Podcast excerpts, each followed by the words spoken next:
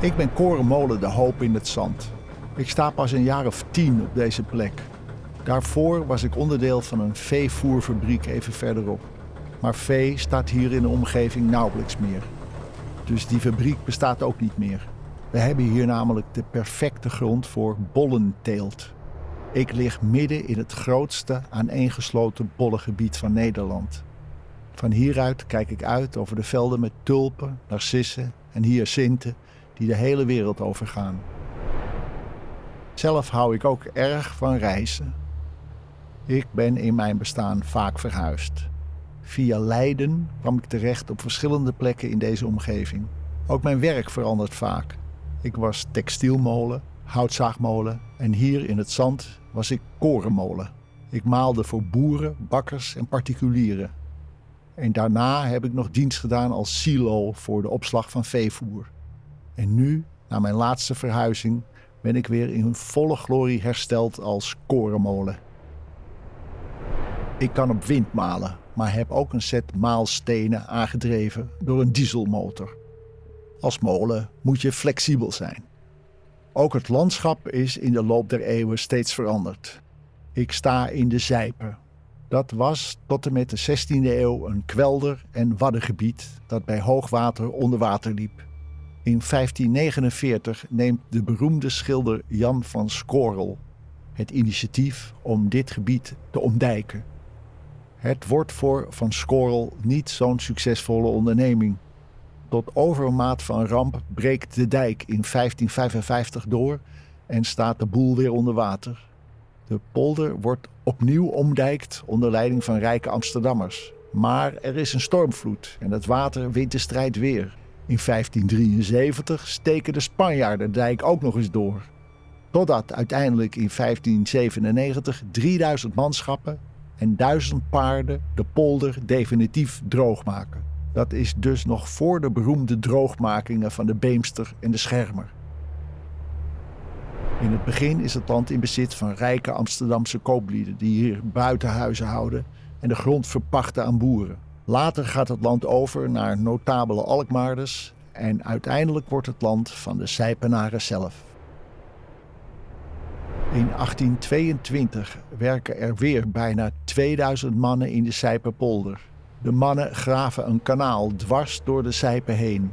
Het Noord-Hollands kanaal tussen Amsterdam en Den Helder, eindigend in de Noordzee. Vanaf 1824 is het hier ineens een druk verkeer van oorlogsschepen, Oost-Indiëvaarders en vrachtschepen. Met paarden worden de schepen hier vlakbij door het kanaal getrokken. De boeren zijn minder enthousiast, omdat er nu af en toe zout water de polder instroomt. En dat is slecht nieuws voor de melkveehouders. In 1876 wordt een nog veel kortere route naar de Noordzee geopend, het Noordzeekanaal. En dan is het ook opeens weer afgelopen met de vervoersdrukte. Nog steeds zie je de vlotbruggen in het Noord-Hollandskanaal die open kunnen om schepen door te laten. Zo tegen het einde van de 19e eeuw komen hier de bollenkwekers. En daarmee begint de recentste grote verandering van het landschap om mij heen. Maar het landschap blijft veranderen. Er is behoefte aan woningen, windturbines en velden vol zonnepanelen rukken op. Het vergt flexibiliteit, maar dat ben ik de afgelopen eeuwen wel gewend. Ben op een camperplaats. Ik sta hier tussen allemaal campers. Nou ben ik niet zo'n kampeertijger, maar dat geeft niet. Maar eh, dit is de eerste keer dat ik naast een molen eh, ook eh, allerlei campergedoe zie. Maar nu komen we toch bij een hele mooie houten molen. Enorm ding. En ik zie een meneer. Ik ga gewoon eens even naar die meneer. Goedemorgen. Goedemorgen. Wat staat u in die mooie grote molen? Ja, welk, welkom bij, eh, in deze molen, Molen de Hoop. Molen de Hoop, wat een mooie naam. Hoe heet u? Ik heet Zeeman, ja. U heet ja. Zeeman. ja. Ik heet Roos. Nou zeg, is Roos, oké. ja. wat leuk u te ontmoeten. Dit is Molen de Hoop. Molen de Hoop, Ja, Molen de Hoop. Dit is een oude, hele oude molen. ja. Een Maar- graanmolen zo te zien, Het toch? is dus een graanmolen. Ja, inmiddels weet ik er een beetje wat van. Deze maalstoel wordt aangedreven door de dieselmotor die je straks gaat zien. En met een lange riem wordt die aangedreven. Dat heeft zo mijn grootvader vroeger ook gedaan. Aha. Na de Eerste Wereldoorlog, toen kwam natuurlijk de mechanisatie. Ja. En toen hebben ze die windmolens massaal stopgezet. En iedereen kocht een dieseltje of een ander soort motor. Die eh, maalstenen werden toen aangedreven door die dieselmotors.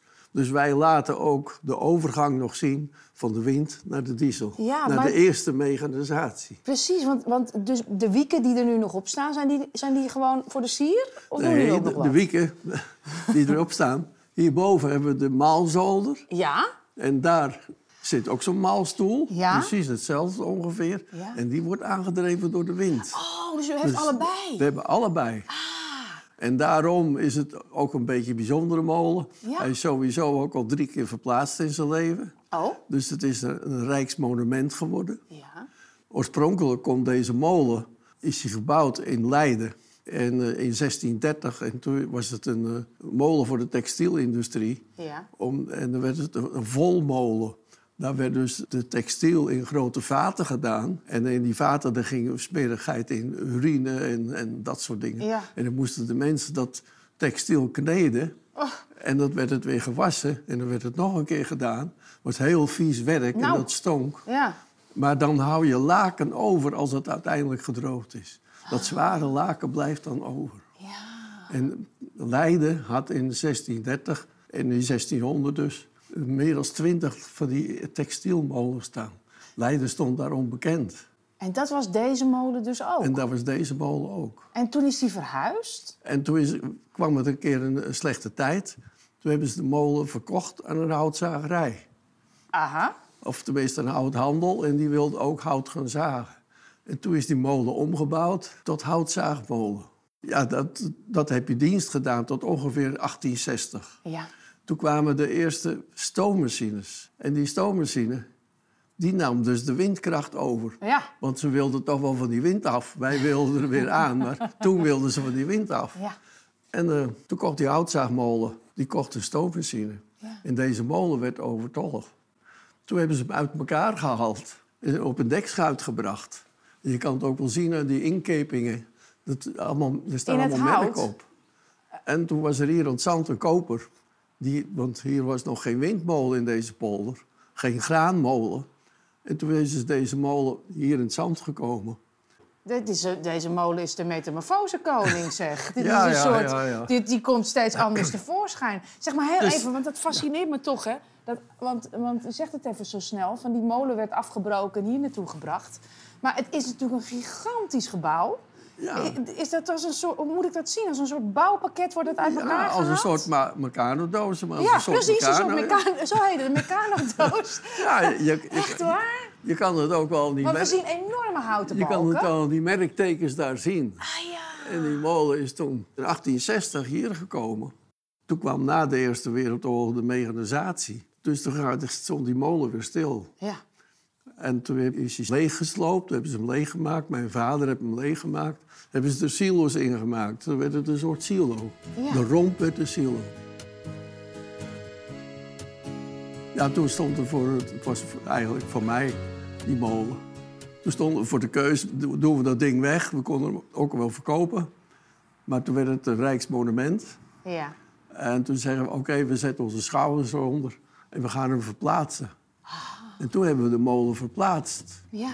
Ik kon van de Rijkswaterstaat dit stuk grond kopen. Maar en hoe komt u nou in die molen terecht?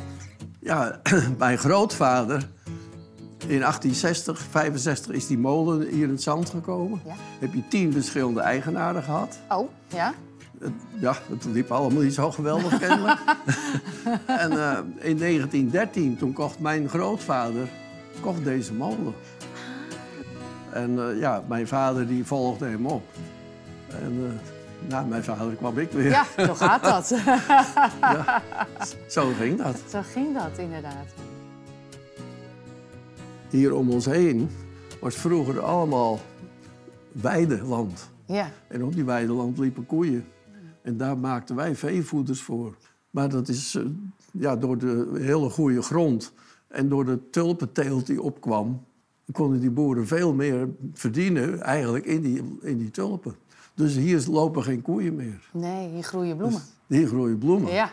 Dus Ja, dat was ja. de nadeel natuurlijk van mijn veevoerbedrijf. Ja, ja. Toen zijn we op tijd, ben ik eigenlijk al begonnen met de machines voor de, voor de kunstmestindustrie. Ja. En dat is een tweede tak geworden. En dat, die is uitgebouwd. En we bouwen nu machines voor de kunstmestindustrie. ja. En dat, die verkopen we wereldwijd. Oké.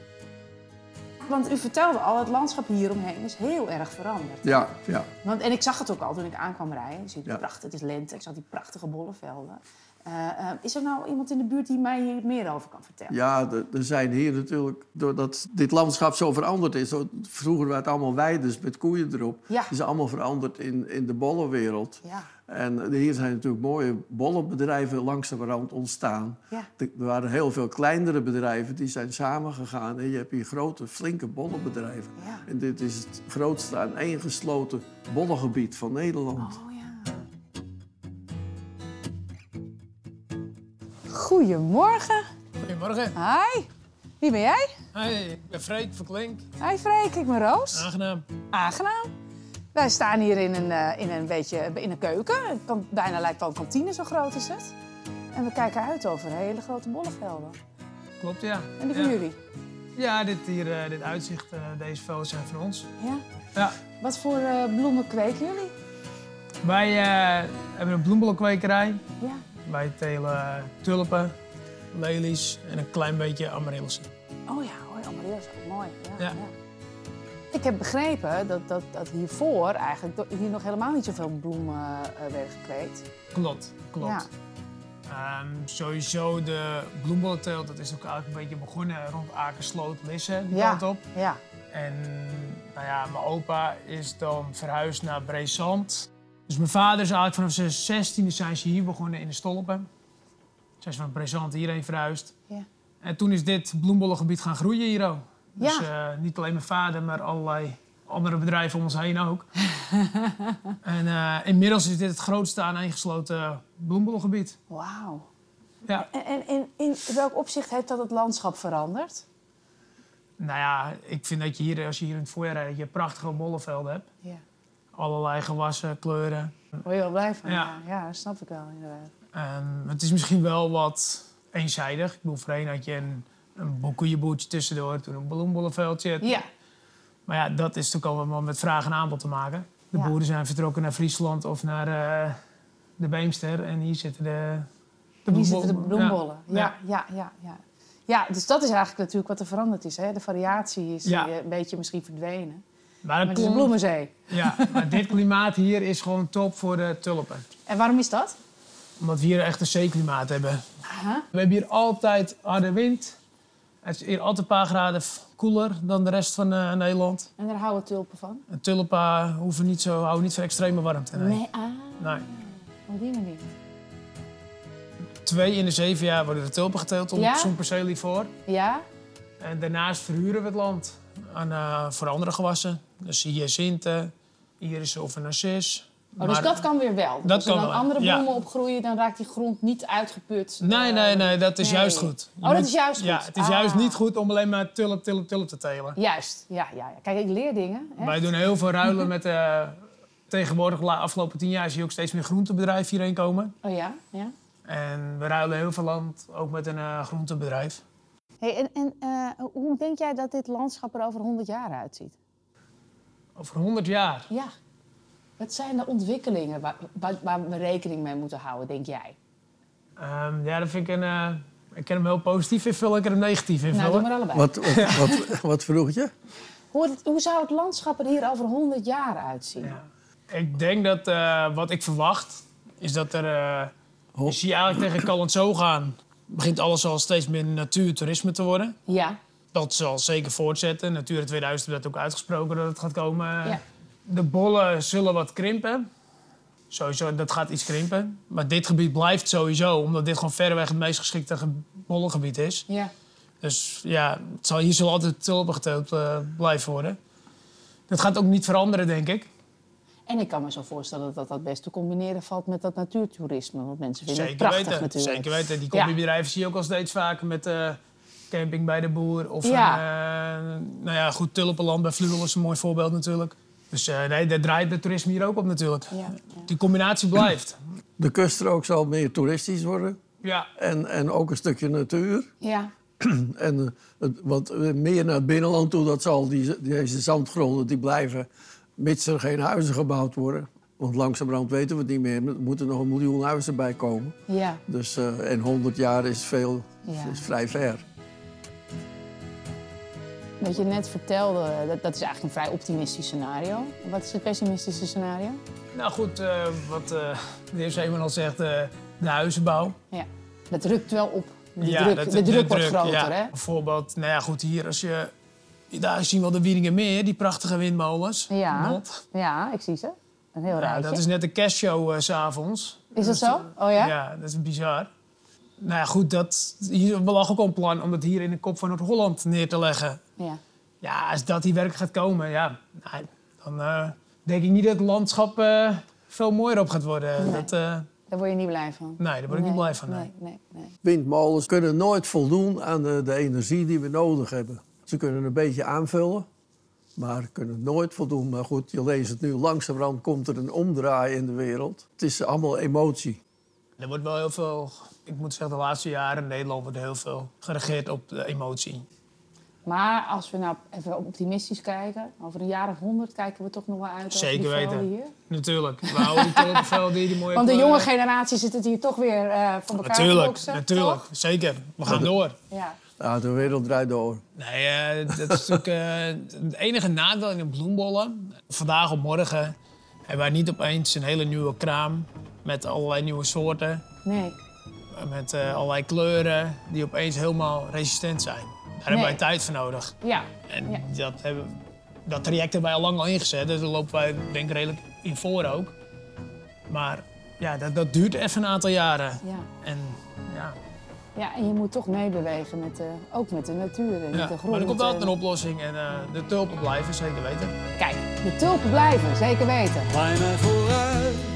Ik houd wel koers. Ik stuur wel bij, ja ik stuur wel bij. Leid me naar dorpen, meren en steden. Blaas me over dijken heen. Waai me vooruit, waai mij vooruit. Toon mij vergezichten die ik nog niet ken. Ik houd wel koers, ja ik stuur wel bij. Waai mij vooruit.